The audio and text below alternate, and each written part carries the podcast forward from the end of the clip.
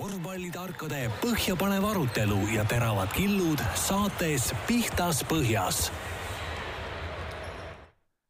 tere, head kosusõbrad. aasta kaks tuhat kakskümmend, head uut kõigile, võib veel soovida, tegelikult võib hiljem ka veel soovida, aga siis peab äh, sellist äh, pudelikujulist äh, miskit taskus või, või näpu vahel olema. igal juhul head uut kõigile ja Eesti korvpall sada on sel aastal ja mitte ei saanud vaiki olla ka Pihtas põhjas podcast, mis on siis tagasi eetris jällegi Delfi vahendusel. Ja hetkel küll natukene vähendatud koosseisus, sellepärast et meie teine hea saatejuht Gerd Kullamäe praegu kogub mõtteid, laeb patareisid ja ma loodan, et natukese aja möödudes on siinsamas stuudios tagasi. Läheb pihtas Põhjas podcasti kahekümne kolmas saade, olime siis viimati eetris eelmise aasta maikuus.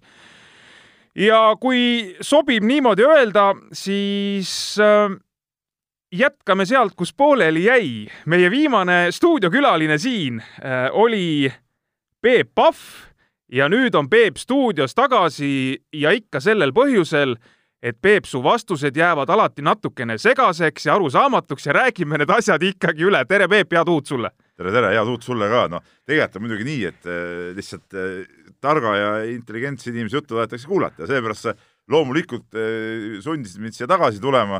Noh, Gerdi, sa jätsid tegelikult muidugi meelega praegu koju, et ei tuleks üldse siia segama ja noh, nii on. ei, palun väga, noh ja see summa, mis sa mulle üle kandsid, oli piisav, et ma siia tuleks, nii et selles suhtes on kõik on hästi. nii, aga sa saad meeletu avansi, Peep, see selles mõttes avansi, et siin on üks mees käinud äh, kaks korda ainult äh, nii-öelda külaliseks meil, et see mees on Kalev Kruus ja sina oled siis nüüd nii-öelda teine auväärt persoon. et sa pead olema täna, tänases saates ikka väga heal tasemel. ei no Kalev on ka tore mees, aga ma just tegelikult ähm, noh, natuke kehvem ikkagi kui mina selles suhtes, et, et just ähm, reedel meil oli suur hokilahing näiteks ja seal TV3 meeskond, kus Kalev Kruus oli ka, noh, ütleme piinlik öelda, jäid neljandaks, eks ole, aga meie mehed ei nuta kolmikuga, mina siis Jaan Martinson ja Tarmo Pavi võitsime ära selle ja ka vahetusmängus võitsime neid, nii et noh, kõik on klaar nagu, noh, see on nagu selge, et sa pidid mind ka kutsuma siia, kui Kalev on kaks korda juba käinud, siis ma pean ka tulema no.. kuule, tead, ma muide tahtsingi selle hokimängu juurde jõuda sellepärast, et ma olin nädalavahetusel Baltic Sea Cup, oli selline turniir, noorteturniir, koondiste turniir. ma nägin seal kõiksugu inimesi, aga ma ei näinud seal mitte kordagi Peepu, et kes oleks tribüünil olnud, hoidnud siis äh, noortel poistel ja tüdrukutel silma peal, et kuidas meil läheb. selle asemel tegeleb tiluliluga Harju tänava jäähokiväljakul ja kusjuures paneb ohtu veel Jaan Martinsoni tervise, kes võib vanas eas komistada jää peal, pea ära lüüa ja mis siis, ja mis siis edasi kõik juhtub, eks ei no Jaan, Jaan oli meil nagu eh, super väravavaht, noh tegelikult. ütleme, see oli siuke tilluke värav ja Jaan kak-, kakras sobis sinna ette. mahtus täpselt sinna väravasse. värava ette ja, ja keegi sisse ei saanud, nii et ei, eh, kõik oli hästi, aga Baltic Sea Cupil ma tõesti tribüünile seekord enesegi meelehärmiks ei jõudnud. ma käisin küll laupäeval samas majas, kui oli treenerite koolitus, väga hea, väga hea koolitus üldfüüsilisest ettevalmistusest, aga, aga reedel ma olin üldse ära pärastlõunal Tallinnast laupäeval oli spordiaasta lõpugala, kahjuks pidin seal tööd tegema ja, ja eile oli siis Kalev Cramo mäng, kus pidin ka tööd tegema, nii et sellepärast jäidki, jäidki need mängud nagu mul otse, otse vaatamata, aga ma olen kursis, mis seal toimus muidugi ja, ja, ja natuke jälgin neid asju ikka. me räägime sellest turniirist nüüd äh, kohe natukene lähemalt ka, aga ma saan aru, et sa nüüd Kossu mängudel ei jõudnud, aga Kossu treener sa ikkagi jätkuvalt oled, et sa seal ennast nii-öelda täiendamas käisid seal sellel koolitusel, mis tehti? vaata, erinevalt äh, mõnest mehest, kes siit praegu saates puudub, eks ole, ei ole mind veel nagu vallandatud või võib-olla ise ära läinud et et selles suhtes jah, kõik, kõik läheb, ütleme tänagi õhtul on trenn ja neljapäeval on mäng Rae Kossuga ja, ja nii ta läheb. me, no see turniir, mis nüüd siin aset leidis Tallinnas, traditsiooniliselt siis juba oli see viieteistkümnes või kuueteistkümnes kord midagi sellist. Eesti noored siis saavad võrrelda ennast Soome, Rootsi ja Läti eakaaslastega. ja see on tegelikult noh, kuidas ma ütlen, et, et võib-olla nendel turniiridel see tulemus ei ole kõige olulisem, tahetakse lihtsalt pilti ette saada, millises seisus erinevate riikide noored siis on. teisest küljest kes, kes ikka kaotama läheb, et alati tahetakse ka võita ja üks äh, võit siis meile ka tuli, nii-öelda turniirivõit U kaheksateist äh, noormehed ja ja seal oleks üks sinu õpilane siis ka ääre pealt mänginud või tegelikult pidigi mängima, aga, aga lihtsalt jäi haigeks ja ma usun, et kui Kristjan Kasemets oleks koondises olnud, et võib-olla see oleks kuskilt selle tunnikese või poolteist tundi näpistanud ka ja ikkagi tulnud sinna saali vaatama. ei no, no tegelikult ajaliselt ikkagi oleks mul klappinud, aga, aga ei, noh, see, kas Kristjan mängib või ei mängi, no see ei oleks muidugi muutunud, eks ma hoidsin U kaheksateist koondise põhjalt ikka ja ma neid poisse ju enamusi tean nagunii, kes seal mängivad.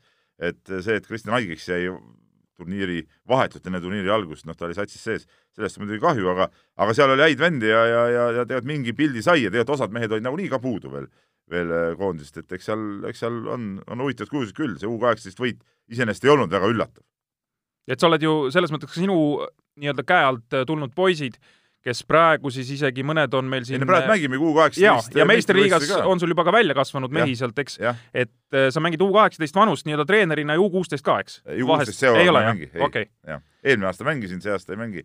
see aasta mul U kaheksateist ja, ja, ja mehed, aga ei, ma neid jah, neid poisse tean ja seal on tõesti huvitavaid kujusid, noh, võtame sama see Hugo Toom näiteks, kes kes on siin juba esiliigas äh, kõvasti põrutanud ja, ja, ja Eestikat U kaheksateist sarjas ja, ja nüüd ka niisugune selge liider, et, et, et seda võistkonda iseloomustavadki see, et seal on paar niisugust poissi, kellel on nagu head eh, liidri omadused võtta, eks ole, see Kaspar Suurorg näiteks ja, ja Markus Ilver ja, ja ütleme, need poisid on nagu olemas ja, ja seal on nagu natuke niisugused pikemad eh, poisid, on tagamängijad, et selles suhtes on, on päris okeilt olemas, niisugune, niisugune päris ehtne tsenter oleks veel ka, niisugune, niisugune suur vägev mees seal keskel, siis oleks, siis no, oleks veel, veel eks nad äh, loodavad, et Mait Peterson no nii-öelda hakkab, hakkab seda mängima suvel, eks, et sest Itaalia poisid seekord ei saanud tulla, ma saan, nendel oli seal omal mingid täpselt nii, ja seal olid turniirid ja Joonas Riismaa jäi siis ka eemale, eks ja, ja välismaa meestest olid siis lisaks Markus Ilverile ja Johannes Kirsipuule, kes on siis Ameerika Ühendriikides nii-öelda studeerimas või, või korvpalliharidus, haridust saamas. Eh, Illimar Raiend oli siis ka tema Tšehhis eh, GBA selles akadeemias. et eh, tegelikult jah, nüüd ülemäära palju poisse ju väljast ei tulnud, et, et selline võib öelda, et siis tuumik oli ikkagi segav välismaalt ja, ja Eestis ka ikkagi päris palju mehi. nojah, aga ütleme siin Eestis ongi selles vanuses äh, mõned, mõned head mängijad ongi needsamad, ütleme, Toom Suurok, kellest ennem räägitud, äh, nad on saanud praegu esiliigas häid mänge, on seal äh, mõnusalt karastunud, nad on käinud siin oma Suurorg vähemalt ta käis ka Eibli tuuril, ma nägin, eks ole, et, et mehed ongi edasi läinud ja seal on niisugused tüübid olemas, et isegi kui need kõik need välismaalased oleks kohal olnud, siis ütleme, need, need mehed oleks nagunii olnud seal põhi, põhikandjate rollis igal juhul no Rootsi oli suhteliselt ähm, lahja sellel turniiril, päris korralikult kõigi käest saadi ja aga, aga samas tuleb öelda, et ma ei tea, kas sa kuulnud oled või ei ole, et Rootsi U kaheksateist koondises oli üks Eesti taustaga noormees, me täiesti juhuslikult seda kuulsime äh, seal pingi peal istudes, vaadates äh, vanemad äh, eestlased, väliseestlased vist, kes olid turniiri vaatama tulnud, ütlesid, näed, meil siin üks Eesti poiss ka mängib, Simon Klaasmaa, täitsa selline Eesti nimi ka. Äh, ja, ja muide saab nuusutada Rootsi meistriliiga taset, et ta siin turniiril noh, ei olnud selline nii-öelda esimene viiul, aga neid eestlasi ikka on kuskil siin ringlemas meil ümber ka. no ringlemas on, ega see on ju igal spordialal niimoodi, et siin ütleme lähi, lähinaabrite juures ikka aeg-ajalt kas Soomest, Rootsist kuskilt ilmuvad välja mingid tüübid ja ja, ja see, et ta saab seal kuskil Rootsi meistriga nuusutada, see on ka normaalne, et need U kaheksateist poisid, kes on siin koondise vennad, noh, ütleme, paremad mehed peaksidki saama ka Eestis siin juba meistriliigat nuusutada, et see, et okei okay,, need Toom Suurorg on seal esiliigas, see kõik on tore, aga, aga, aga tegelikult äh, nad võiksid olla juba ja treenida igapäevaselt ka näiteks meistriliiga meeskondade juures ja minu arust see ongi see õige tee, et näiteks me noh, ma jälle saan oma Keila värki tuua, eks ole, me olemegi seda teed läinud, et neid paremaid poisse ikkagi ära saata just meistriliiga klubide juurde ja, ja, ja niisuguse klausliga, et nad saavad mängida näiteks madalamat liigat, oma mänguminutid saavad oma klubi juures ära mängida ja siis meistriliigas ka olla, sama Kristjan Kasemets, kes me siin rääkisime, on ju Tallinna Kalevi juures on seal platsile saanud ja, ja olnud ka ja see on pool aastat saanud trenni teha heade meestega ja ja ma ise näen küll kõrvalt seda arengut on igal juhul nagu olnud. ma seda tahtsin äh, tegelikult võib-olla siin saate, saate jätkus veel korra nii-öelda täpsemalt üle rääkida, et, et kuidas sa näed nende meeste jah, arengut või, või kui hästi nad suudavad nii-öelda noorteklassist minna edasi meeste, meeste vahel, aga jätame selle nii-öelda edaspidiseks arutada, et äh, U kuusteist äh, poisid said siis turniiril ühe võidu, lätlasi võitsid, suutsid Rootsi ja Soomega mängida esimese poole ja teine poolaeg lagunes mõlemas mängus täielikult ära, aga huvitav oli vaadata Henri Veesaart, et ta on siis nüüd olnud ütleme, kolm-neli kuud Madridi Reali süsteemis, et, et kuidas siis nagu on, pikkust poisil juba kaks null üheksa. kaks null üheksa, jah et Ketsiga kaks üksteist.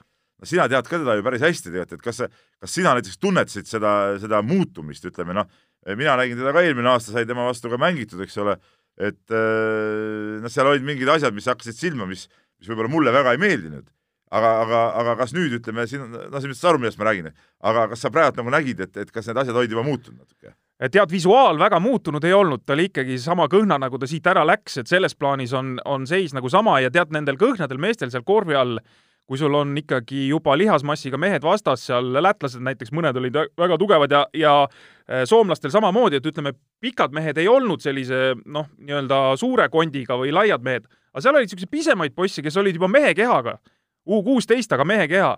ja, ja tead, sa ei saa sinna korvi lähedale väga, et nad niimoodi puksivad su sealt minema, et küll see jõufaktor tuleb, et seda veel ei ole.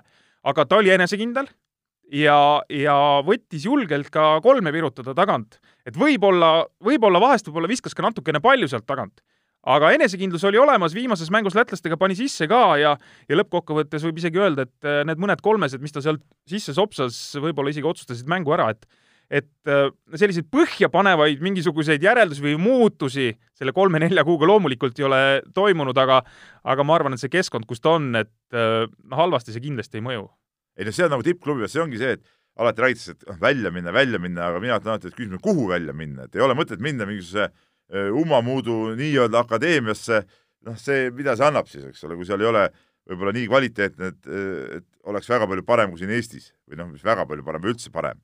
Et neid akadeemiaid on igasuguseid, ma ütlen ise ka palju ju olen poistega Eiblis igast erinevaid vanuseid mänginud, seal on ka igast akadeemiad vastas, ka Itaalia akadeemiad, seal on igast naljamehi olnud, et, et selles suhtes see ei ole otseselt ju näite, näite ongi see, kuhu sa lähed, kui sa lähed ikka Madridi Reali süsteemi, vot see on nagu kvaliteedimärk ja sinna tasub igal juhul minna ja, ja see on, see on kõva asi ja selge see, et, et see Henri Veesaar on, on talent ja ma siin laupäevalgi Andres Sõbraga rääkisin ja tema ütles muidugi, et no vot see ongi nüüd see mees, kes on järgmine Müürsepp, kui siin üldse keegi on. Ja, ja, ja no ega ma ei julge talle vastu ka vaielda, et seal nagu ainest on nagu kõvasti ja, ei, ja see enesekindlus, millest sa rääkisid, ega selle puudust tal polnud eelmine aasta ka, et see ongi võib-olla, võib-olla mingi hetk nagu tundus, et isegi nagu liiga palju nagu, et noh, võttis neid igast viskeid ja asju, et noh, ei olnudki nagu kõige targemad lahendused, aga aga no samas selles vanuses, noh, sa peadki nagu läbi tegema, et kui sa, kui sa oled selles vanuses niisugune noh, sa pead julgema asju teha ikkagi. kusagil ja sa ei taha teha ja ega sa ei hakkagi siis tegema, siis sa jäädki selliseks poolvarjus olevaks tüübiks, et neid, kes nagu hiljem avanevad, noh, neid on ka muidugi olemas, aga neid on ikkagi vähem, et sa pead ikkagi, kaugele jõuavad need, kes on niisugused nahaalid, võib-olla natuke isegi rikuvad mõnda, mõnda mängu ära, aga noh, sa pead nagu tahtma teha, no see on põhiline, sa tahad teha andke kurat see pall siia, ma olen, panen ära, tead, noh, nii, nii peab see asi käima. ja, ja see oli ka meeldiv, et minu meelest eh, nina ei olnud ka püsti läinud, et äh, kahe jalaga maa peale selles plaanis. see on põhiline, jah. et, et, et, et, et ei, olnud niimoodi, et mina olen seal üleval, ma olen ja, seal Madridi Realis ja te olete siin kuskil all, et et madistate siin omavahel, aga selle U kuusteist koondise juures äh, tahaks korra äh, minna sellise laiema teema juurde ka. et me seal istusime ka tribüüni peal ja, ja nägime, kuidas äh, treeneritena töötavad rootslased ja soomlased. kõik käib väga vaikselt, ei mitte mingisuguseid etteheiteid, ei mingit räuskamist, mehed tulevad kokku, räägitakse, et vot seda oleks vaja teha teistmoodi, niimoodi, ühesõnaga selline õpetaja õpetaja moodi käitub see koondise treener seal. Et meil oli see treeneriping natukene teistsugune ja ma pean ütlema, et mõni mees läks vist sellest kipsi ka isegi. et nüüd, nüüd ma tahangi lihtsalt küsida su käest, et kas U kuusteist, U kaheksateist treenerid peaksid kärkimise mõttes olema kuidagi noh, nii-öelda teise laine peal ka, et U kuusteist veel ei kannata või ikkagi no kui ei kannata, siis noh, siis ei olegi midagi teha. Ei no kui ei kannata, siis kabe trenni, noh, midagi ei ole parata. tähendab, et see äh, ega siin mingi vati sees kedagi kasvatada ei saa ja, ja selles suhtes minu arust on just, just väga hea, et äh, lõpuks ometi on koondiste, nii U kuusteist, U kaheksateist koondise peatreeneriteks on meistriliiga treenerid, kes võtavad seda asja ikkagi äh, ikkagi nii, nagu päriselt asjad käivad, et seal ei ole, ei seal... pea olema mingid kooliõpetajad ja mingid, et mina niisugust susistamist ei kannata, tead, siuksed, et suss-muss, et üldse ole hea, noh, nii nagu tänapäeva koolis on, et et eh, no kui jaksad, siis tee ja oi, küll sa oled tubli hästi paneme ja lööme patsu ja kõik. ei ole nii, nii, niimoodi ei juhtu midagi, noh. niimoodi ei juhtu midagi. ega siis no vaata, kuidas Läti treenerid olid, kuidas noh. ei, lät-, lätlased on samamoodi kuidas, nagu meie. kuidas Leedu treenerid on mm, -hmm. no mis on ikka korvpallimaad, eks mm -hmm. ole, et. no, no, no, no, no, no oot-oot-oot-oot, Soome ei, mängib äh, stabiilselt äh, finaalturniiri. jaa, aga võrreldes Leedu ja Lätiga nad ei ole ka mitte keegi, eks ole. et, äh, et ei, äh, no midagi vägisi tagasi hoidma ei pea ja minu arust on just väga hea, et et kui, kui klubides võib-olla mõnda hoitaksegi võib-olla rohkem vati sees, siis koondises nad peavad aru saama, et noh, nad noh, nad peavad ikkagi nagu tegema asju nii nagu, nii nagu ette nähtud, mitte, mitte ei susistata nendega seal ega ei, ei loksutata kusagil hällis neid. nii et see on, see nii, nii peabki olema? mina arvan et nii peab olema ja ma ütlen väga hea, veel kord kordan, väga hea on see, et on päris meestetreenerid tulnud nüüd äh, koondist etteotsa, et see on, see on igal juhul oluline äh,. tüdrukud või neiud U kaheksateist meil siis äh, tuli kolmas koht, äh, võideti Rootsit ja koondise liider on siis Anna-Grete Asi, kes on tegelikult ka suures naistekoondises juba ja just, et saab seal ja. palju mängida ja, ja teha. aga, aga ma ei tea, et äh, siin ikkagi allajäämised Lätile ja, ja Soomele olid päris kindlad. no see tüdrukute korvpall, see on üldse üks müstiline ala, ma olen natuke nüüd viimased poolteist aastat niimoodi harrastajate tasemel naiste korvpalli ka näinud, seda nii-öelda harrastajate liigat. E, ütleme siis niimoodi, et sa oled treeninud? no ma olen treeninud ja no seda treenimiseks seda nimetada on ka niisugune võib-olla nagu, nagu noh, nagu liiast võib-olla, et kui sa kaks korda nädalas käid koos, siis no mis treenimine see ikka on, see on lihtsalt nagu, see on nagu harrastamine. et, et sellega ju sa kedagi nagu väga palju paremaks ei, ei tee. aga, aga, aga selge see, et see tüdrukute korvpall ja naiste korvpall üldse on meil ikka nii ahtake ja, ja nii, nii kõhna, et noh ma olen mitmes kohas öelnud mitmele inimesele, et, et kui tahad äh, nii-öelda Eesti korvpallis, noh, see ei maksa muidugi midagi, et tahad saada nii-öelda head tulemust, et no võta tüdrukute grupp ja, ja tee nendega kõvasti trenni ja, ja igal juhul jõuavad Eestis tippu välja, et et noh, minu arust korvpalliliit, vaata võrkpalli naistes edu on hea näitaja, kuidas naistel tasub panustada, jõuad kuhugi, eks ole. minu arust korvpalliliit äh, peaks nagu ikkagi just selle tüdrukute kaasamisel nagu laiemalt mõtlema ja panustama, et praegu läheb kogu aur läheb ikkagi minu silmis selle poiste poole peale, meeste poole peale, mis on ka nagu tore ja seegi see, et noh, meeste korvpall, noh, olgem ausad, on ikka atraktiivsem ja ägedam, eks ole. aga no selge see, et tüdrukute korvpall on ka tore asi ja minu arust sinna peaks igal juhul rohkem panustama just, just alates sellest, et kuidas tüdrukuid sinna juurde saada ja, ja kuidas sinna tüdrukute korvpalli mingeid normaalseid treenereid suunata, see, et Marko Parkonen on, on Audenteses tüdrukute juures nüüd juba paar aastat olnud, see on nagu superluks, eks ole, et väga hea treener, ei ole niisugune tüüpiline see naiste äh, tihtipeale mingi alusmõte, mingi naiste korvpall ja meeste korvpall, no tegelikult peavad naised samamoodi mängima nagu mehed, eks ole. ja, ja, ja Marko minu arust võtab seda asja samamoodi. et, et see on nagu hea ja, ja sellele tuleb tähelepanu pöörata ja naistega on võimalik kaugele jõuda. kuule, aga, aga siit siis ma tegelikult tahtsin saate jooksul jõuda ka sinnamaani, et, et mida võiks nagu sellel aastal noh, nii-öelda vaadates ette nagu sellele aastale kaks tuhat kakskümmend, kõige reaalsemalt nagu ära teha, et, et kohe anda mingisugune selline uus tõuge Eesti korvpallile, et kas, kas see ongi seesama siis, et et äh, meil oleks vaja nii-öelda käima saada korralikult äh, tüdrukute ja, ja, ja naiste korvpall selles mõttes, et, et tuleb seda no, hulka, kes harrastavad naiste korvpalli või tüdrukute korvpalli oluliselt suurendada?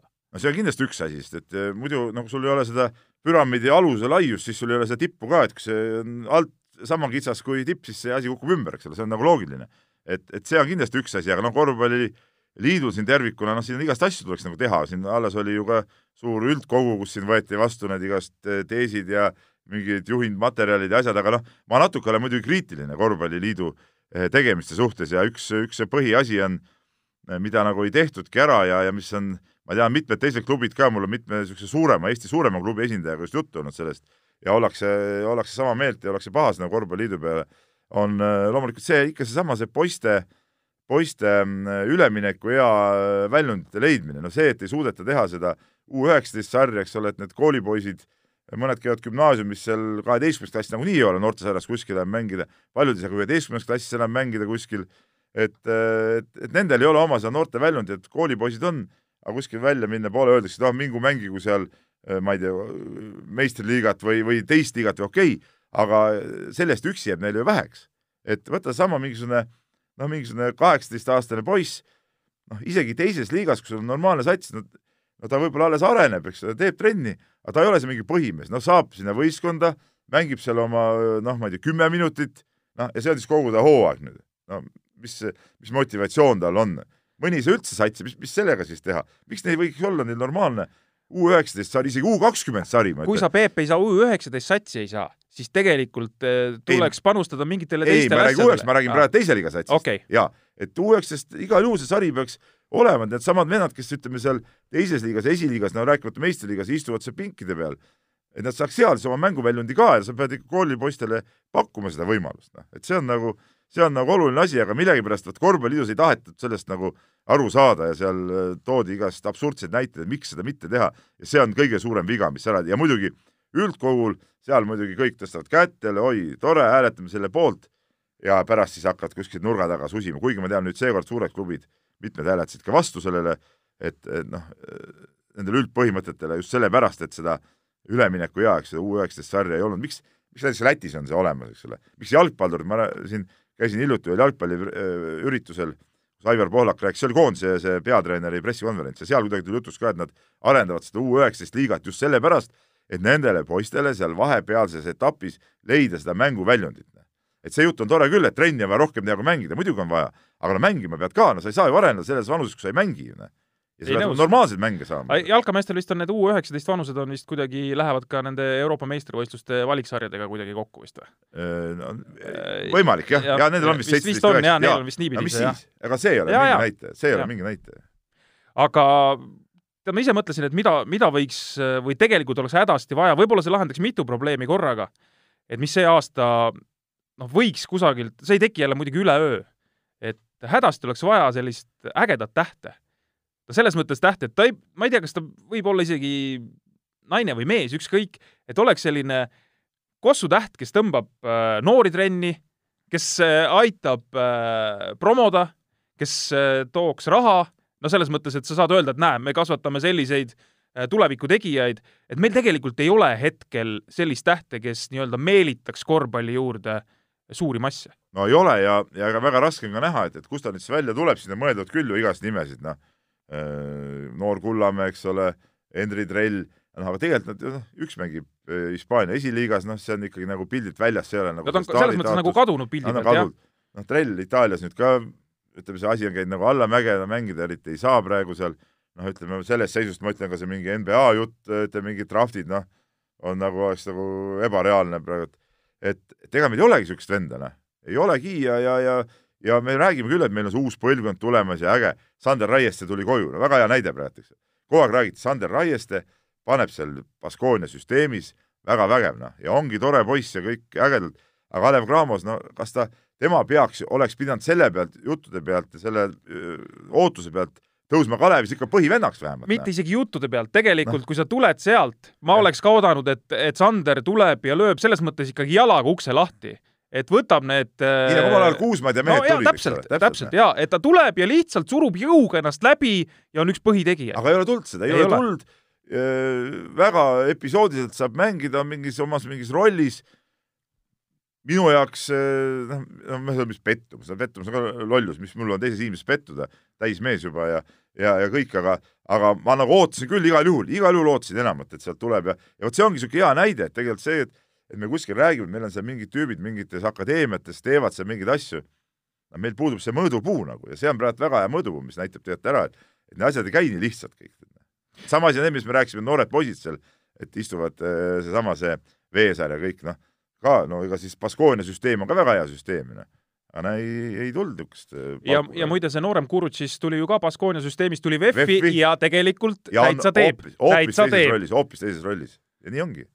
et, et see on ikkagi lõppkokkuvõttes on ikkagi ka persoonides kinni väga, väga, väga selgelt. väga selgelt ja, ja võib-olla Sander Raieste üks probleem ongi see, et ta on võib-olla oma olemuselt ongi liiga tagasihoidlik poiss, ta peaks, peaks rohkem olema niisugune nagla, Nagla, nahaalne, nahaalne, eks, jaa. kuule, mis, mis vennad siin on, et mina tahan olla see mees, mina tahan olla, ma näitan kogu aeg trennis, mängus, igas olukorras mina tahan olla see mees, kes siin hakkab tegema, tead.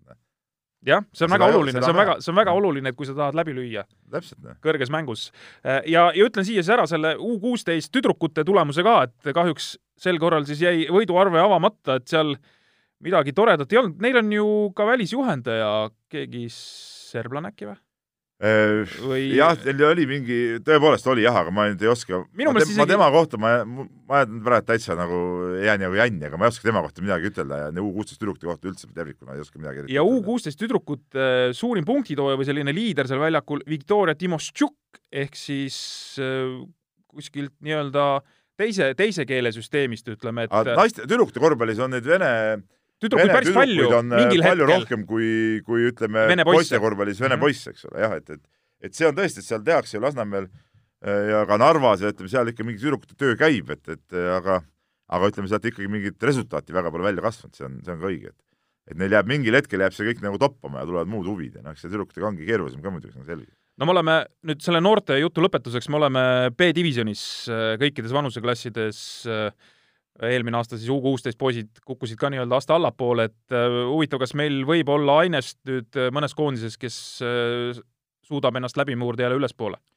no ega see ei ole lihtne ju tegelikult, see, see ülesmurdmine on tihtipeale keerulisem kui seal üleval püsimine, seda näitas U kuusteist koondise näide, eks ta mitu aastat ju püsisid seal Ja üleval. kolm aastat vist olid, jah. jah.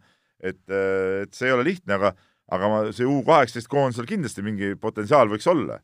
et, et äh, seal nagu need, need kujud ja mehed on olemas ja ma ütlen, praegu ei olnud veel täiskoosseisu ka, et, et, et igal juhul see, see variant on olemas.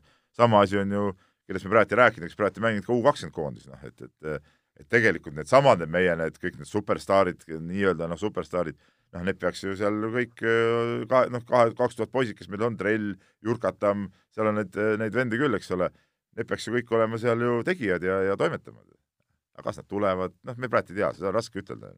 aga igal juhul U kaheksateist, U kakskümmend ma loodan küll, et, et on, on potentsiaali tõusta. no kas U kakskümmend mehed või ütleme, kas äh, kui sa oled ikkagi selline juba mängid, ma ei tea, oled seal Itaalia meistriliigas, okei okay,, jah, praegu Henry ei saa seal mängida, on ju, viimastes mängudes on istunud pingil, aga kui sa oled sellise taseme vend, kas sa peaksid üldse tulema U kakskümmend koondise juurde või pigem peaks ikkagi keskenduma no puhtalt meeste korvpallile selles plaanis, et et kui ei ole suvel nii-öelda mingisugust nii-öelda meestega värki, et siis lihtsalt äh, tuleb see kasutada ära enda nii-öelda arendamiseks. no esiteks U kakskümmend ongi meeste korvpall ju. no, no on küll, aga ikkagi seda peab võtma nagu meeste korvpallina, sa ei saa võtta, sest see on mingi, mingi noorte mingisugune pehmode mingisugune lödistamine, ei ole.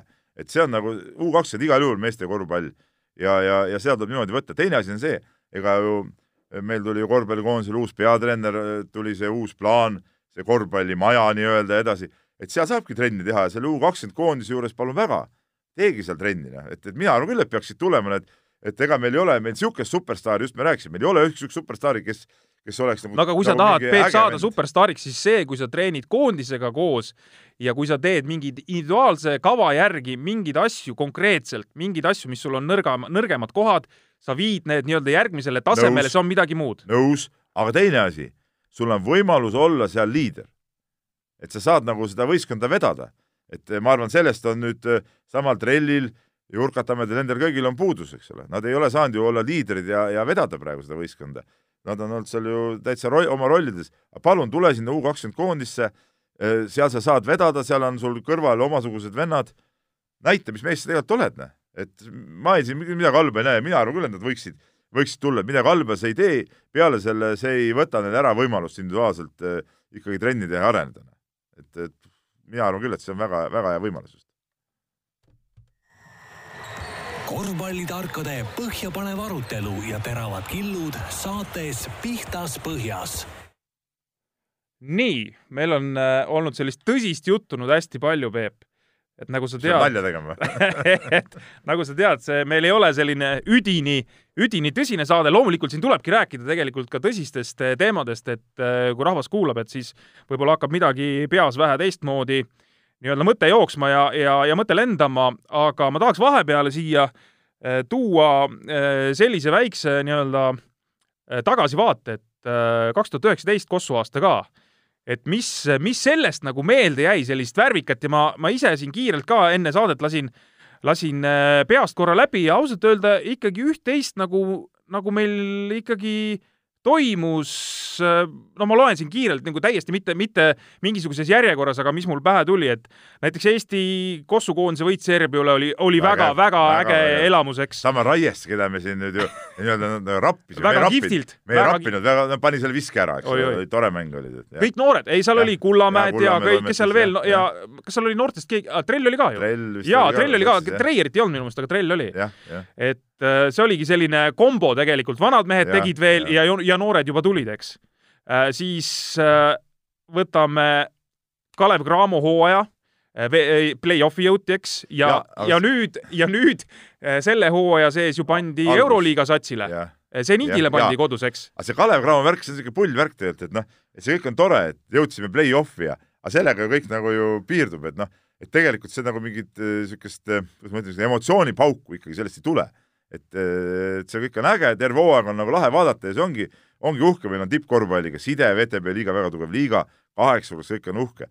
aga kui sa saad seal tappa kohe, no siis nagu niisugust see jääb nagu puudu, eks ole, aga siin hooaja alguses tõesti saadi päris head võidud, arvestades seda, mis olematu, olematu, ma teen poiste liiga, kes seal mängivad, aga ikkagi selles liiga mõttes Eesti, olematu Eesti satsiga ikkagi on saadud paar päris ja, head võitu, kuigi nüüd on tulnud ka niisugused rumalad või halvad kaotused sisse, aga noh, aga no see võistkond on nagu ta on praegu siis äh, mis meenub veel, äh, Janari Jõesaar VTB liiga tähtede mängul Hispaaniasse minek, et noh, jälle me võime, mis seal Hispaanias juhtus, eks ta tuli sealt tagasi, et ei löönud seal nii-öelda läbi, aga, aga ikkagi fakt iseenesest, et ta läks siit, läks Hispaania meistriliigasse, Martin Müürsepa lahkumismäng, Žalgiris äh, Kalev Cramo. pigem ma siin tooksin esile Martin Müürsepa hõbemedal, hõbemedal peatreener. no selle kinkisid ju puhtalt kohtunikud talle ju.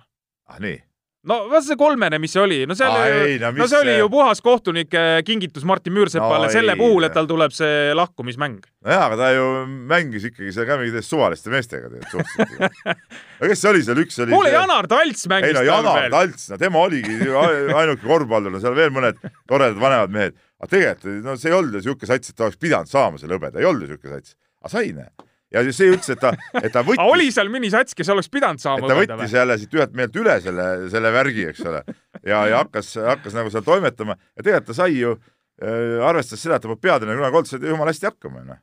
et aga see, vaata, kui sul on, nüüd, kui sul vaata, on head vanad mehed nagu Janar Talts, saad aru, mehed ise võtavad kokku, räägivad, teeme niimoodi, et see treener rääkis meil seda küll, aga teeme niimoodi no ega sa mõtled, et kokku võetakse ainult siis, kui öeldakse, et kuule, treener ajas mingit paska, et kuule, teeme tegelikult teistmoodi, et see päris nii muidugi ka ei käi. see võib ka nii olla muidugi, aga see ei pruugi nii olla. aga noh, tegelikult äh, see, et äh, Müürsepp nüüd see, ütleme, see teine hooaeg, mis ta nüüd on alustanud või ütleme, selle hooaja esimene pool, mis läks ka eelmise aasta, aasta sisse, et see oli natuke konarlikum, siis see muidugi näitab ära jälle, et et, et ega see võistkonna ettevalmistamine hooajaks ei ole nii lihtne ja kui sul on käes ka niisugused kaardid see võistkonna komplekteerimine ja see kõik, see on päris keeruline. on, on ja hästi palju muutust ka tegelikult ja no., ja Martin on loomulikult tublim, on niisama praegu Aasinda kallal, aga ja tahtsin siin lihtsalt öelda, et aga selgub, et Martin ei olegi põhiturniiride mees ta on play-off'ide play mees, play-off'i mees puhas. mis see põhiturniir maksab? ei maksagi, lihtsalt on vaja saada Kuigi kaheksa hulka, vaja. see aasta on vaja kuue hulka, see aasta ei ole nalja. ei, kas eelmine aasta ei olnud ka kuue hulka oli, oli, eelmine aasta oli ka kuue hulka. nüüd on kaheksa satsi. ehk siis no Valga mm. praegu, kui me vaatame, eks ole, kukub ära, aga keegi peab veel ära kukkuma kas nüüd see TTÜ või Kalev või Tartu või seal on, ütleme, ütleme kõigi nende ärakukkumine on ju, on ju niisugune, kuidas ma ütlen, nagu oleks nagu üllatav mõnes mõttes. kuule, aga ma meenutan eelmist aastat ja. veel. Gerg Riisa, Euroliiga noorteturniiri MVP ja lisaks siis sai Žalgirises korraga Euroliigas väljakule ja üldse sinna minek ja, ja, ja seal olek, praegu ta küll siis nii-öelda on natukene eemale löödud seal, Žalgiris selles mõttes eemale löödud, mängib mujal. see oli tark valik, et ta saatis ära, aga, aga mis ma tahan öelda, see kerg, kergriisa, see väljakule saamine ja see, see tabav vaba vise, et, et, et kui vähe on nagu vaja, et torm, tormi tekitada. tekitada tormi kuule, ära, kuule ära sa nüüd räägi, sa oma teise liiga selle mingi Kadrina äh,, mitte Kadrina Karut, selle Reinar, Reinar Alliku ja. miks sa ei olnud tabelis esimene? oota, see ei ole, kes on jälle. siin ei ole üldse millestki mul on siin joone all mingi hästi väikeselt on see kirjas. see oli põhiasi, see oli korvpalli tippsündmus. aga ma tahtsin, ma tulen Kriisa juurde tagasi, et noh, ma ise ka ju, ma olin jumala õhinas, sest mees sai platsile, pani selle ära, no terveks hilis, oli hilisõhtu, eks ole, no veel tund, mitu tundi oli siuke hea tunne nagu, et, et äge värk, tead noh et ja kuidas ta ise seal käitus. ise seda nagu kaifis, see oli nagu. see oli väga vaat, äge. vot see on nüüd, kui me rääkisime, et, et kes nagu võivad nagu tõusta, vot temas on võib-olla siukest, või kõige rohkem seda ainest, ütleme, niisugust nahaalsuse ainest ja seda kõike, et no ma olen teda ju tegelikult väiksest peale näinud äh, mängimas äh, Tartu võistkonnas ka vastu, ta vastu mänginud poistega ja temast seda niisugust nahaalsuse ainest on muidugi kõvasti, et see on nagu äge, jah aga see... nüüd lähme siis selle põhisündmuse juurde. ei, ei, ei lähe veel, ei lähe veel, siis on veel, mida sa saad kindlasti ägedalt siin kommenteerida. kõigepealt Anna-Grete Asi, NBA noortelaagri MVP, vaata siin oli ka Lätis, äh, Läti need no, NBA mehed tulid. ma neid, ma neid laagrite ja neid MVP-sid mingeid noorte ära räägi see on nii tähtis nendele ei, noortele, et neil oleks. küll, aga see ju tegelikult ei tähenda veel mitte midagi. ei tähenda, ei, aga mis, sa ei peagi selles mõttes ju su-, vaata, kui sellest samast, kes selle nii-öelda tähelepanu osaliseks saab, kui temast lõpuks tuleb midagi, vot see võib tähendada Eesti korvpallile midagi suuremat. aga, aga praegu loomulikult mitte midagi. kuigi Anna-Grete Asi on muidugi tubli tüdruk, aga temaga on nüüd ka see oht, et ta on juba umbes mingi hällist peale nagu mänginud meistriliigas juba, eks ole. et ma ei tea, mitme aastaselt seal alustas. et, ähm, et kuidas ta nagu peab vastu või kuidas nagu, kui ta on nagu päris naiseks kuidas seda särtsu nagu sees hoida. kuidas ta seda särtsu, seda asja ikka sees hoiab, et et, et siin on vaja kõvasti nagu tarkust ja, ja, ja, ja niisugust ma ei tea, kas ütleme seda treenerit, kes peaks teda suunama, võib-olla peaks ta kohe juba välja saatma või, või midagi temaga nagu tegema, et, et siin see Eesti naiste korvpallis lihtsalt nagu ma kardan, ta mandub ära nagu päris kiiresti. siis äh, Rakvere Tarva tagasitulek meistriliigasse ja, ja Ventspilsile vastu jah, siinsamas vastu vahtimist panemine, et see oli ikka päris, päris, päris ports üllatus. see oli päris raju jah, ja, ja, ja, ja Tarva tagasituleku üle mul on küll nagu väga hea meel, et et ma juba tegelikult juba tookord pidasin täielikuks lolluseks seda, et ta välja visati. see oli see kaks aastat tagasi kaks siis või mis iganes see oli, jah. see, kuidas nad ronisid ära, võtsid kõigepealt teise liiga ära, siis kohe esiliiga ära, nüüd on seal tagasi. ja, ja, ja tegelikult eh, huvitav mees, see Jurka Umbrasko, on pannud seal täitsa, täiesti suvalised satsid pannud mängima kuule, Renato Lindmets, mingi Lasnamäe pallimängude maja Hoovi, direktor või, või hoovivalvur või mida iganes ta seal on.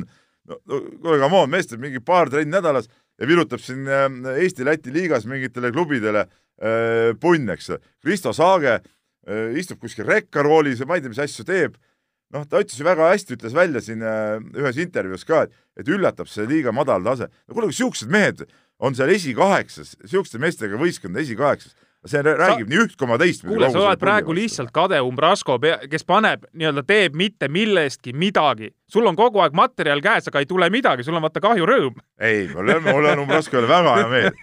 mul väga hea meel. mis materjal käes, noh. võta üks ja viska teist tegelikult. mina aga... ainuke olegi see hea materjal. kuule, ja Umbrasko on väga vaikne treener ja tulemus tuleb nojah, ja peab olema, tal on see Madis Putko, kes kõrval tõuseb püsti, plaksutab, ütleb, et ai, come on, come on, come on, noh, et ta teeb selle jutu temast ära, tead noh. okei okay,, siis teeb selle lärmi ära. teeb lärmi ära, jah. nii, NBA ülekannete invasioon Eestisse. hästi palju on nüüd korvpalli tulemas igalt poolt ja on olemas Euroliiga, on olemas NBA, on olemas VTB, on olemas Eesti-Läti, ühesõnaga põhimõtteliselt kõik on olemas. ma tahan nüüd vastu vaielda oma heale sõbrale Andres Sõbrale, kes iga kord räägib, kuidas nüüd NBA-d hirmsasti vaatab, et et küll see on nagu vägev värk, tead. et, et nii? Andres, vaata see vanusega tekivad ka, võib-olla kõigest ei saa alati hästi aru või, või no midagi seal nagu praegu nagu tundub, et läinud natuke nihu. no ma vaatan ka seda NBA-d, vaata pühapäeviti on varasemad mängud, ma olen püüdnud ikka vaadata, eilegi seda vaatasin natuke. ja siis vaatan Euroliigat, no, no ma ei saa, sest NBA-s seda, seda, seda pinget ei ole nendes mängudes. aga sina ei peagi saama pinget. tead, kes peab pinget saama või? See noor, see kümneaastane, see kaheteistaastane, tema peab saama pinget seal, ta peab, ta peab nägema seda Hardenit või. ei, mis Harden, Hardeni nägemine on ju kahjulik ometigi, püha meie. et ta labe ajamata või? ei, mitte seda, vaid tema see mängustiil on ju, see on ju tervist kuule, sul on vaja normaalset viskajat. ei no viskajat, no võistlus peab ka peas olema natukene. aga ei noh, ja kui ma vaatan siis Euroliigat, kus igas mängus on ikka see pinge ja action ja ja, ja kus nagu asjad möllavad või no eelmise aasta sisse läheb ju, tippsündmus Obradovitši see äh, time out, noh. näinud seda? see oli näinud. see oli võimas, tead, noh. niimoodi peab, niimoodi peab asju ajama, tead no siin kuidas sa paned paika need mehed, kui nad ei taha po pooled inimesed, kes olid teleka taga, need ehmatasid. Nad mõtlesid, mis asi see nüüd oli. mis need ehmatada on, noh? see on nagu õige, see, kuule, kui vennad on, kuule, niisugused staarid, eks ole, ja mitte midagi nad teha ei taha seal platsi peal. ei, selles mõttes ma olen, just, selles mõttes ma olen nõus, nende jaoks on see seesama, see sõim on tegelikult palganumbri sees. no see on palganumbri sees jah, aga vaata NBA-s seda ei ole ju. NBA-s ju treener ei ole ju. ei, ei NBA-s, kui sa hakkad niimoodi sõimama, siis sa... staarmängija läheb omaniku juurde, ütleb, et see treener ei kõlba. ei sobi, saadame ära, tead noh. sellepärast need Euroopa tipptreenerid ei saaks kunagi seal NBA-s tegelikult läbi lüüa, noh, ei saagi, nende stiil on hoopis teine. aga ütleme, see oli vägev, aga mis meil oli juttu poole, et NBA ja Euroliiga võrdlus, NBA invasioon, vähemaks, vähemaks tuleb seda võtta, ma arvan. see on mõttetu raha raiskamise öösiti täitma, kes ei vaata mitte keegi. aga, aga ma ütlen veelkord, tahaks näha rohkem seda pinget, ma ootan, kui play-off'id hakkavad, siis on NBA mängudes ka pinge. ja muidugi ma... Tallase mängudes ma vaatan, seal on mul no, oma pinge. no,, seal on võt, nagu no, omad mehed nagu Borzingis ja ja Doncic ja need on nagu meie mehed, tead, neid võtad nagu eestlasi juba, tead. ja ma loodan, et see ikkagi kahekümne viiendal detsembril vist oli see jah, viis mängu jutti näitas, et sa olid ikkagi korralikult teleka ees ja vaatasid need ära. Ja, ja siia kõlbab loomulikult jälle kiita lätlasi, et see on ikka täitsa uskumatu, mis seal toimub. Äh, tegi ju, Passechniks tegi ka debüüdi NBA-s ära kahe hooaja jooksul, viimase kahe hooaja jooksul viis lätlast ja, on mänginud no, NBA-s. no aga see ongi Läti korvpall on kõvem seal on asju, ma kogu aeg räägin mis me võtame õppust siin mingit, ma ei tea, soomlastelt, ma ei tea, rootslastelt. soomlastel on ka olemas. kõik on tore. aga võtame õppust ikka oma semljakkidelt, lätlastelt, noh, kuule. Privatika värgid, ei no Privatika värk kõik, eks ole, leedukad, lätlased, meil omal kõrval naaberriik, nii kõva ossuriik, minu arust tuleks see kõik üle võtta, mis nad teevad. väga lihtne. Aga me vaatame mingit, ajame siin mingit oma mingit joranat nii, siis oota, mis mul siin veel oota, on? oota, oota, mul on see kuskil siin joone alla, ma ei tahaks veel pugeda. aa, Sander Raieste ja Henri Trell andsid end üles NBA draftis. sa tahad kindlasti midagi mahlakat no, öelda? mõned mehed juba on natuke siin nagu nahutust saanud, et, et, et ma arvan, et see ülesandmine, no see on ka paras, no see on mingisugune mängud nagu. jaa, just, just. Need just. on nagu mängud, neid ei pea tõsiselt võtma. tore oleks, kui mehed kunagi sinna saaks, aga ütleme selle hooaja pealt järgmiseks aastaks ma küll kumbagi meest NBA-sse ei, ei ennusta. Eesti kolm korda kolm naiskonna Euroopa mängude hõbe. ma tervitan siin, siinkohal äh, sõber Raudlat, äh, kes, kes teab minu suhtumist kolm kord kolm korvpalli, aga ei no to tore muidugi, see on äge. igal juhul tore, et nad vähemalt pildile just. aga kolm kord kolm korvpall ei ole päris korvpall no,. Läheb on. olümpiale, Peep, tule ajaga kaasa, läheb olümpiale. no vaata, olümpiale läheb äh, varsti igasugune ninaga muna veeretamine ka, no see nagu ei ole nagu näitaja enam nii, ja oleme jõudnud joone alla. Äh, Kadrina karude torm kõigepealt. Äh, Andres Sõber, Gert Kullamäe, Aivar Kuusmaa. On äh, kuidagi sattunud sinna eksiradadele, eks. ja, ja siis loomulikult seesama finaalturniir, kus siis olid ei, no, ikka enne, kõik enne suured võistkonnad. Raivo Tribantsovi ees, ma praegu mütsi peas ei ole, juuksed ka eriti pole, võtan selle kõik maha, mis mul siin on, et sügav kummardus, noh, kõva vana. mees on ikka ehitanud ikka mis Kadrina, mis, mis koht see, jumala väike koht, eks ole, mingi kitsuke võimla, aga mees on pannud seal siukse võistkonna püsti, noh. siuksed mehed käivad seal treeneriks, Gerd Kullamäe käib mängimas, istub hooaja lõpus, jalg üle põlve, kaks karikat kõrval, oli tore hooaeg, eks sigar ole. oli puudu, sigar ei olnud sigar oli puudu, jah, eks ole. noh, ei no uhke asi, uhke asi kiidame. ja, ja see finaalturniir siis, finaalneliku turniir oli Jõhvis oli või? Jõhvis, Jõhvis, jah, jah.. no see oli hull asi, jah? no kas me peame sellest üldse rääkima? kas me peame sellest okay. üldse rääkima? kuule, aga tead Kadriani juurde, mis ma tahtsin veel öelda? Vaata seesama, seesama noorte väljaminek või, või mitte väljaminek ja, ja kuna Reinar Hallik on siis ka nüüd juba olnud koolipapa siin mõnda aega, selles mõttes tema nimeline korvpallikool on Iisakul. et äh, nende asjade Kadrina Iisaku kiituseks nagu ma tahaks öelda seda, et vaata Artur Konontšuk selline ja. mees, kes praegu on USA-s, äh, mängib kõige kõrgemas divisjonis, Southern Mississippi ülikool on see, kus ta õpib. et Artur oli sealsamas Kadrinas. no ta oli ühe hooaja. just, ei, aga ikkagi, ta oli ühe hooaja seal ja ei juhtunud midagi hullu selles plaanis, et oleks kusagile ära kadunud. ei, muidugi, muidugi ei ole. mis, mis kui sa, just, et kui sa tahad ikkagi te trenni teha, kui selles poisis on ainest olemas, ei juhtu mitte midagi, kui see poiss läheb Kadrinasse või ta läheb Iisakule või läheb ta, ma ei tea, mis iganes veel väiksesse kohta kuskile harjutama. et seal, selge, sa ei saa lõpuni seal olla või noh, nii-öelda lõpmatuseni, aga midagi traagilist või mingit sellist, et oi, mis sa nüüd teed, et kahe käega peast ei ole vaja küll haarata. vaata, see on seesama asi, miks räägivad kogu aeg korvpalliliidu inimesed ja osad inimesed räägivad, et ei no me peame Audentesse kõik saatma, sest seal on tingimused teha trenni ja nii ja naa. sealsamas Reinari juures samas Kadrinas on väga head tingimused, kutid panevad ju seal ka hommikuti trenni. kuule, meil isegi Keilas panevad kutid hommikuti trenni. saab alati teha nendes kohtades, selleks ei pea jooksma kuskile äh, Audentesesse kokku, et, et seal on nüüd mingi, mingi taevamanna tuleb sul vastu, ei ole. igal pool saab teha neid niimoodi ja mida rohkem on selliseid kohti, kus saab teha, ütleme, süvendatult seda korvpalli, on niisugused keskused nagu väga hea, no ja, ja peabki neid olema rohkem minu arust, noh. et seda rohkem tuleb meile igast kutte ka ja tekib lõpuks ja, ja, ja leitakse üles need mängijad. ja Tallinnasse on vist tulemas ka uus selline noh, nii-öelda selline, kuidas ma ütlen siis, akadeemia moodi süsteem, et et spordiklubi Nord vist on ka väga tõsiselt No, nüüd ikkagi ka ette võtnud selle ehitamise, et jah. eelmine aasta pandi siis noh, kui nii võib öelda, leivad ühte kappi Kalev Cramoga, eks ja, ja nüüd äh, kui ei peta info, et Alar Varrak siis läheb sinna ametisse spordiklubi Nordi juurde ka nii-öelda seda akadeemiat ehitama. ja, ja noh, neid akadeemiad on siin ju tegelikult teisigi on ju, see TTÜ on väga laiaks ennast ajanud. Noh, Tallinna Kalev siin on üritanud midagi teha, kuigi nendel nagu on jälle nagu minu arust natuke kuidagi kitsamaks jäänud see asi, aga aga ütleme, neid siukseid nii-öelda akadeemiad, no see on kõ- kõlav sõna, akadeemia muidugi, aga, aga ütleme, neid siukseid klubisid, kus asja üritatakse nagu kõvasti teha, on, on nagu tulnud ja, ja ja, ja see on vägev tegelikult.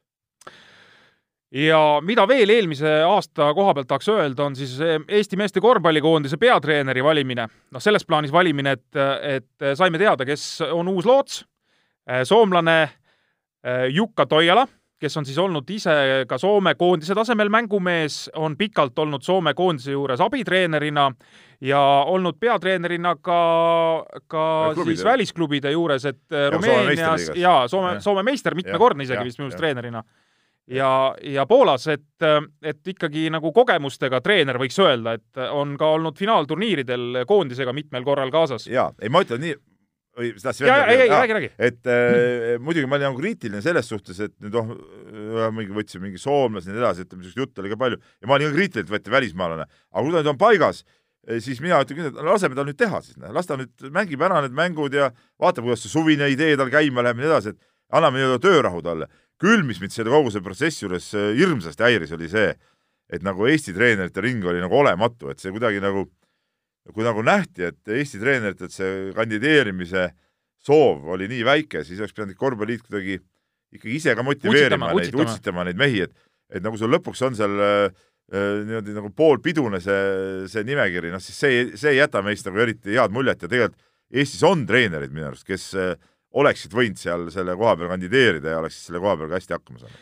ja muide siis äh, Jukka Toiala on, on teine välismaalane alles äh, Eesti Martin meeste Van Gendi koondise, järel. jah, Martin Van Gendi järel, kes siis oli aastatel tuhat üheksasada üheksakümmend seitse kuni üheksakümmend üheksa, ühe tsükli oli siis Eesti koondise peatreener, no sina muidugi mäletad, sina, sina mäletad mäletad- tegelikult kakskümmend aastat varasemaid asju ka. aga sa ei mäleta või? Mäletan sa ei ole nii palju noorem kui Ivar tegelikult. mäletan, mäletan. et aga, aga kui hakatagi vaikselt nii-öelda saate, esimese saate otsi kokku tõmbama, et Pole saanud rääkidagi midagi, juba läbi. et selle no meestekoondise otsa ikkagi vaadatakse väga palju, et just noh, kõikidel aladel, kõikidel pallimängualadel. et äh, mida sa siis nagu arvad, mis juhtuma hakkab, läheb äh, veebruarikuus lahti meil uus valiktsükkel, kaks tuhat kakskümmend üks Euroopa meistrivõistluste finaalturniirile tahame pääseda. meil on alagrupis äh, Venemaa, Põhja-Makedoonia ja Itaalia, kusjuures ja see grupp on nii huvitav selles mõttes, et kuna Itaalia on juba finaalturniiril korraldajana, siis tegelikult me peame sellel alagrupi turniiril edestama kas Venemaad või Põhja-Makedooniat, no juhul, kui nüüd äh, Itaalia päris viimaseks ei jää selles grupis. eks? aga lepime nüüd kokku, mis, kõik aru saaks, tegemist on ikka tavalise Makedooniaga tegelikult. et see tänapäeva see uue riigi eh, nii-öelda keelepruuk, no see, see nagu ei ole päris see, et Ma- Makedoonia, Makedoonia. Kus me, Ivar, sinuga mõlemad oleme kohal viibinud, kui on saadud korralikke sahmakaid. aga olen viibinud ka siis, kui on Kui võidetud võidetud, ja jah., ja aga need sahmakad on nagu rohkem meelde aga Põhja-Makedoonia ju kaks tuhat üksteist või, kui Leedus oli finaalturniir neljas neljas jah. jõudsid äh, poolfinaali. et ühesõnaga, et kuidas sa vaatad nüüd seda turniiri, et siin veebruarikuus lähevad mängud lahti juba? no seda on tegelikult ju võimatu praegu vaadata, sest et ega tegelikult ei tea, ma arvan praegu mitte keegi, kes meil täpselt ikka sinna koondisse tulla saavad ja, ja kes eh, vastastel koondisse tulevad, mismoodi see on, et see kogu see triangel, see Euroliiga ja, ja Fiba ja ja see sõda, no see on äh, igast terve mõistuse piiridest väljas, et et mis mõte on pidada üldse mingit valiksarja, kus kus koondiste asemel mängivad mingisugused äh, imekoondised, meie jaoks see annab muidugi hea võimaluse, aga no siin on jälle sama asi, see Itaalia esiliigad ja ja mingid asjad, kus, kuidas me ja kust me neid mängijaid kätte saame. kui me saame kõik mehed kokku, siis meil on, noh, võiks olla nagu iseenesest ju täitsa okei okay koosseis, arvestades seda, et vastastel nagunii kõiki mehi ei ole. et siis võiks olla päris okei okay,, aga aga kui meil hakkab ka palju puudu jääma, siis eh, no see on ettearvamatu praegu, et siin selles suhtes seda on nagu võimatu ennustada. et eh, me võime ka selle Makedoonia käest naha vahele saada, võime Venemaa käest saada, samas kui Venemaalt seal tõesti ei Himki, CSKA ega siin oma mehi ei anna pole mm, -hmm. siis noh, siis võib ju vabalt mängida, miks ei või siis? absoluutselt, võibki. et, et, et selles suhtes on võimalus olemas, hea küsimus, siin on ikka jah, see ettearvamatust on palju, võib-olla antakse mingiks üheks mänguks kedagi, noh, seda ei tea ju, et, et sellepärast ma selle ennustuse jätaksin nagu tegelikult nagu, nagu ära Äh, aga lollus on see kõik, tead, mis toimub. Äh, Euroopa meistrivõistluste valik, valikturniir on lollus? ei, ole? see süsteem et, on lollus. et nad süsteem. seal kuidagi omavahel ära ei ja, ja, ja, ja, ja. aga Juka Toiala siis juba tegelikult käib meeste juures, nii palju kui ma tean, siis äh, Hispaanias on ta Kristjan Kullamäega juba konkreetselt ikkagi vestlemas käinud ja võib-olla kusagil veel. ja, ja ta on, ta oli eile näiteks ka Kalev Cramo mängul no ta oli ka noorteturniiril siin, äh, vaatas, hoidis silma peal, et äh, mida järelkasv teeb ja, ja tegelikult tema enda hoolealused Soomest mängisid ka siin, ta on äh, Soomes praegu ju esiliiga klubi Helsingi selle korvpalliakadeemia, mis mängib esiliigas mm, -hmm. on seal esiliiga liider, selle treener. ja, ja tema õpilased olid siin ka U kaheksateist koondises mõned sees ja, ja ju ta hoidis ka nendel silma peal ja Hanno Möttel on siis tema abiline seal sellesama esiliiga võistkonna juures. ja, ja ei, ma ütlen, et äh, jah, et selles suhtes noh, ta peabki käima, et see on nagu hea, hea märk muidugi, et tegemist on vähemalt hea suhtlejaga ja igal juhul ta on väga hea suhtleja, seda on nende paari põgusa kohtumise juures, mis ma olen äh, ka temaga kokku saanud, äh, ka eilegi sattusime lihtsalt koos hallist välja minema ja, jõudsime kohe mõtteid vahetada lihtsalt ta ise, kusjuures al al alustas initsiatiiviga, et et, et see oli nagu jah, et, et see, et ta käib mängijate juures, see on nagu loomulik ja peabki käima ja siin mingit muud varianti pole, et, et kui sa tahad ülevaadet saada, kes sul seal on, mis seisus nad on, keda kutsuda, kuidas kutsuda, ka selle klubiga seal midagi kokku leppida, just see, just see kokkuleppimise küsimus on ju väga oluline. et sa peadki käima ja see on nagu, see on õige suund, mis ta teeb. kas sa, Peep, andsid äh, mõne korvpallialase lubaduse ka nüüd äh, aastavahetusel, et äh, on, on midagi suuremat äh, juhtumas sel aastal? Sa mõtled nagu siis enda vaatevinklist? Enda vaatevinklist, jaa. no ei no eks ma ikka andsin endale, endale. Endale, jah? Endale, andsin küll, jah, jah. et ühesõnaga, kui ei täitu, paned ameti maha? võimalik, jah et ühesõnaga, ma reedan vaikselt tausta, et äh, Peep äh, on juba mitu aastat üritanud ikkagi tõusta esiliigasse et tähendab, ma arvan, et nüüd on nagu mängijad nagu küpsed jaa, nüüd on, treener oli ammu küpse, treener oli ammu küpse, aga mängijad veel ei olnud, nüüd peaks olema kõik kombo koos, ma saan aru. see on see, treener teeb ideaalse plaani, aga mängijad ei tule sellega alati lihtsalt kaasa. okei, aga nüüd oled jõudnud siis või viinud nad sinnamaani, et nad peaks nagu kuidagi juba kaasas olema? Nad peavad tulema, no kui, kui nüüd ka ei tule, siis oleks tõesti natuke imelik juba, no siis, siis jah, siis peab mõtlema, mis nagu edasi teha. ja kas sa oled ka naiskonnatreener jätkuvalt? jaa aga no ma naiste treenimise kohta ütlesin juba, et see on nagu, ütleme, ma aitan neil harrastada seda asja natuke. kas sa ise ka mängid veel? Äh, ei, ma eel, eelmine aasta, oota, mis see, mis aasta praegu oli, kaks tuhat läbi sai kaks tuhat üheksateist. kaks tuhat kaheksateist tulin äh, Lääne-Harju valla meistriks kas sa, kas sa reaalselt mängisid või sa mäng, muidugi mäng... mängisin ah,, okay. mängisin, mängisin, kusjuures koos äh, pojaga ühes satsis, eks ole. tegid kriisat?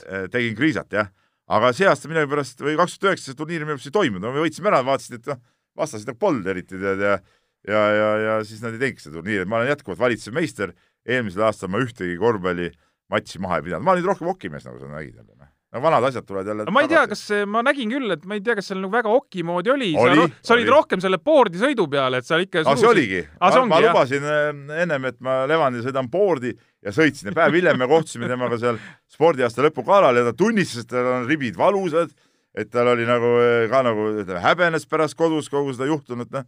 ma tegin ka vanale mehele natuke nagu siukse meelehärmi, aga noh, aga miks ka mitte. nojah, ütleme siis, et kuidas on, kondiproov? kondiproov oli jah, täpselt täpselt. no selge, igal juhul Peep, jaksu, et selle korvpallivankri vedamisel, et ära siis teistega liiga palju pahanda, kui teiste mõtted sinu omadega ei ühti, sest äh, ikka pahandan. ikka pahandad, jah? okei. aga mis ma ei peaks? ei, aga ei saa teistmoodi. sest et äh, on ikkagi nagu see arvamus, mis sa ise arvad, see ongi kõige õigem arvamus, sa tead ju seda. aga on see õige arvamus alati viinud nagu õigesse kohta ka? Jah, on küll, on küll.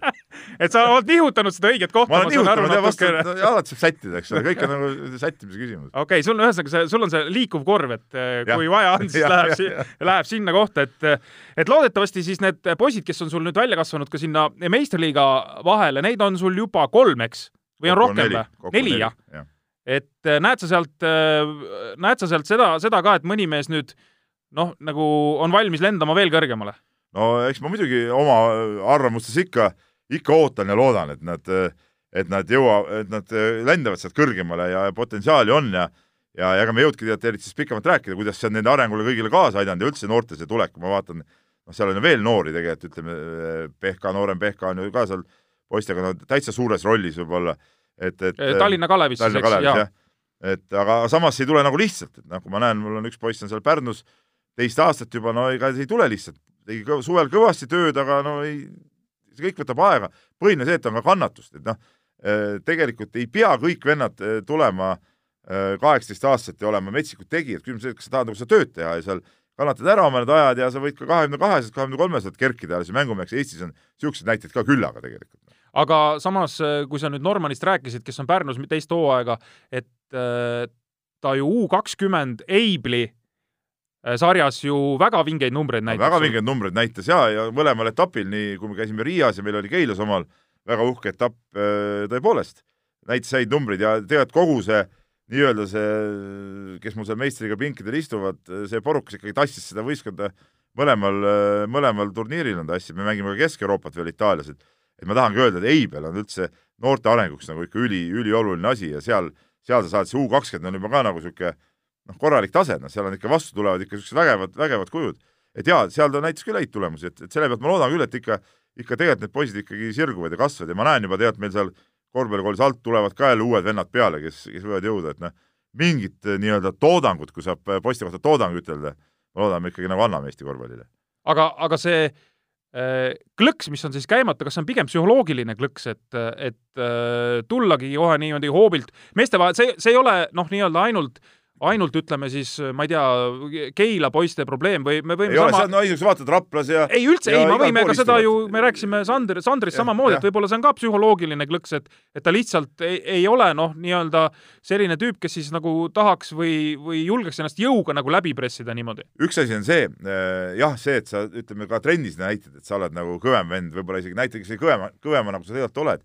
teine asi on muidugi see, mis on ikkagi see üleminek, ütleme, kui sa tuled tõesti mingist eh, U kaheksateist sarjast või teisest liigast, lähed otse meistriliigasse, see, see levelite vahe, kiiruste vahe on ikkagi nii suur, et sul, sul kulub see aeg ikkagi selle kohanemiseks, harjumiseks, midagi pole, sa võid siin, sa võid siin madalamas liigas panna viiskümmend punni, eks ole, aga seal sa ei saa viskelegi, noh, see, see ongi see vahe lihtsalt, no nii ongi, noh. isegi selles, ütleme, ega see Eesti-Läti liiga, nagu me rääkisime, pole mingi imetasemega, ütleme ka seal kohanemiseks läheb aega.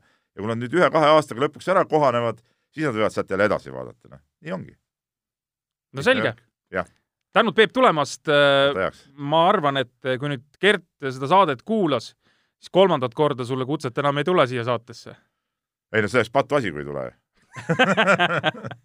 nii, tänud kuulamast kõigile ja me oleme nädala pärast siis uuesti pihtas põhjas lainel. korvpallitarkade põhjapanev arutelu ja teravad killud saates Pihtas põhjas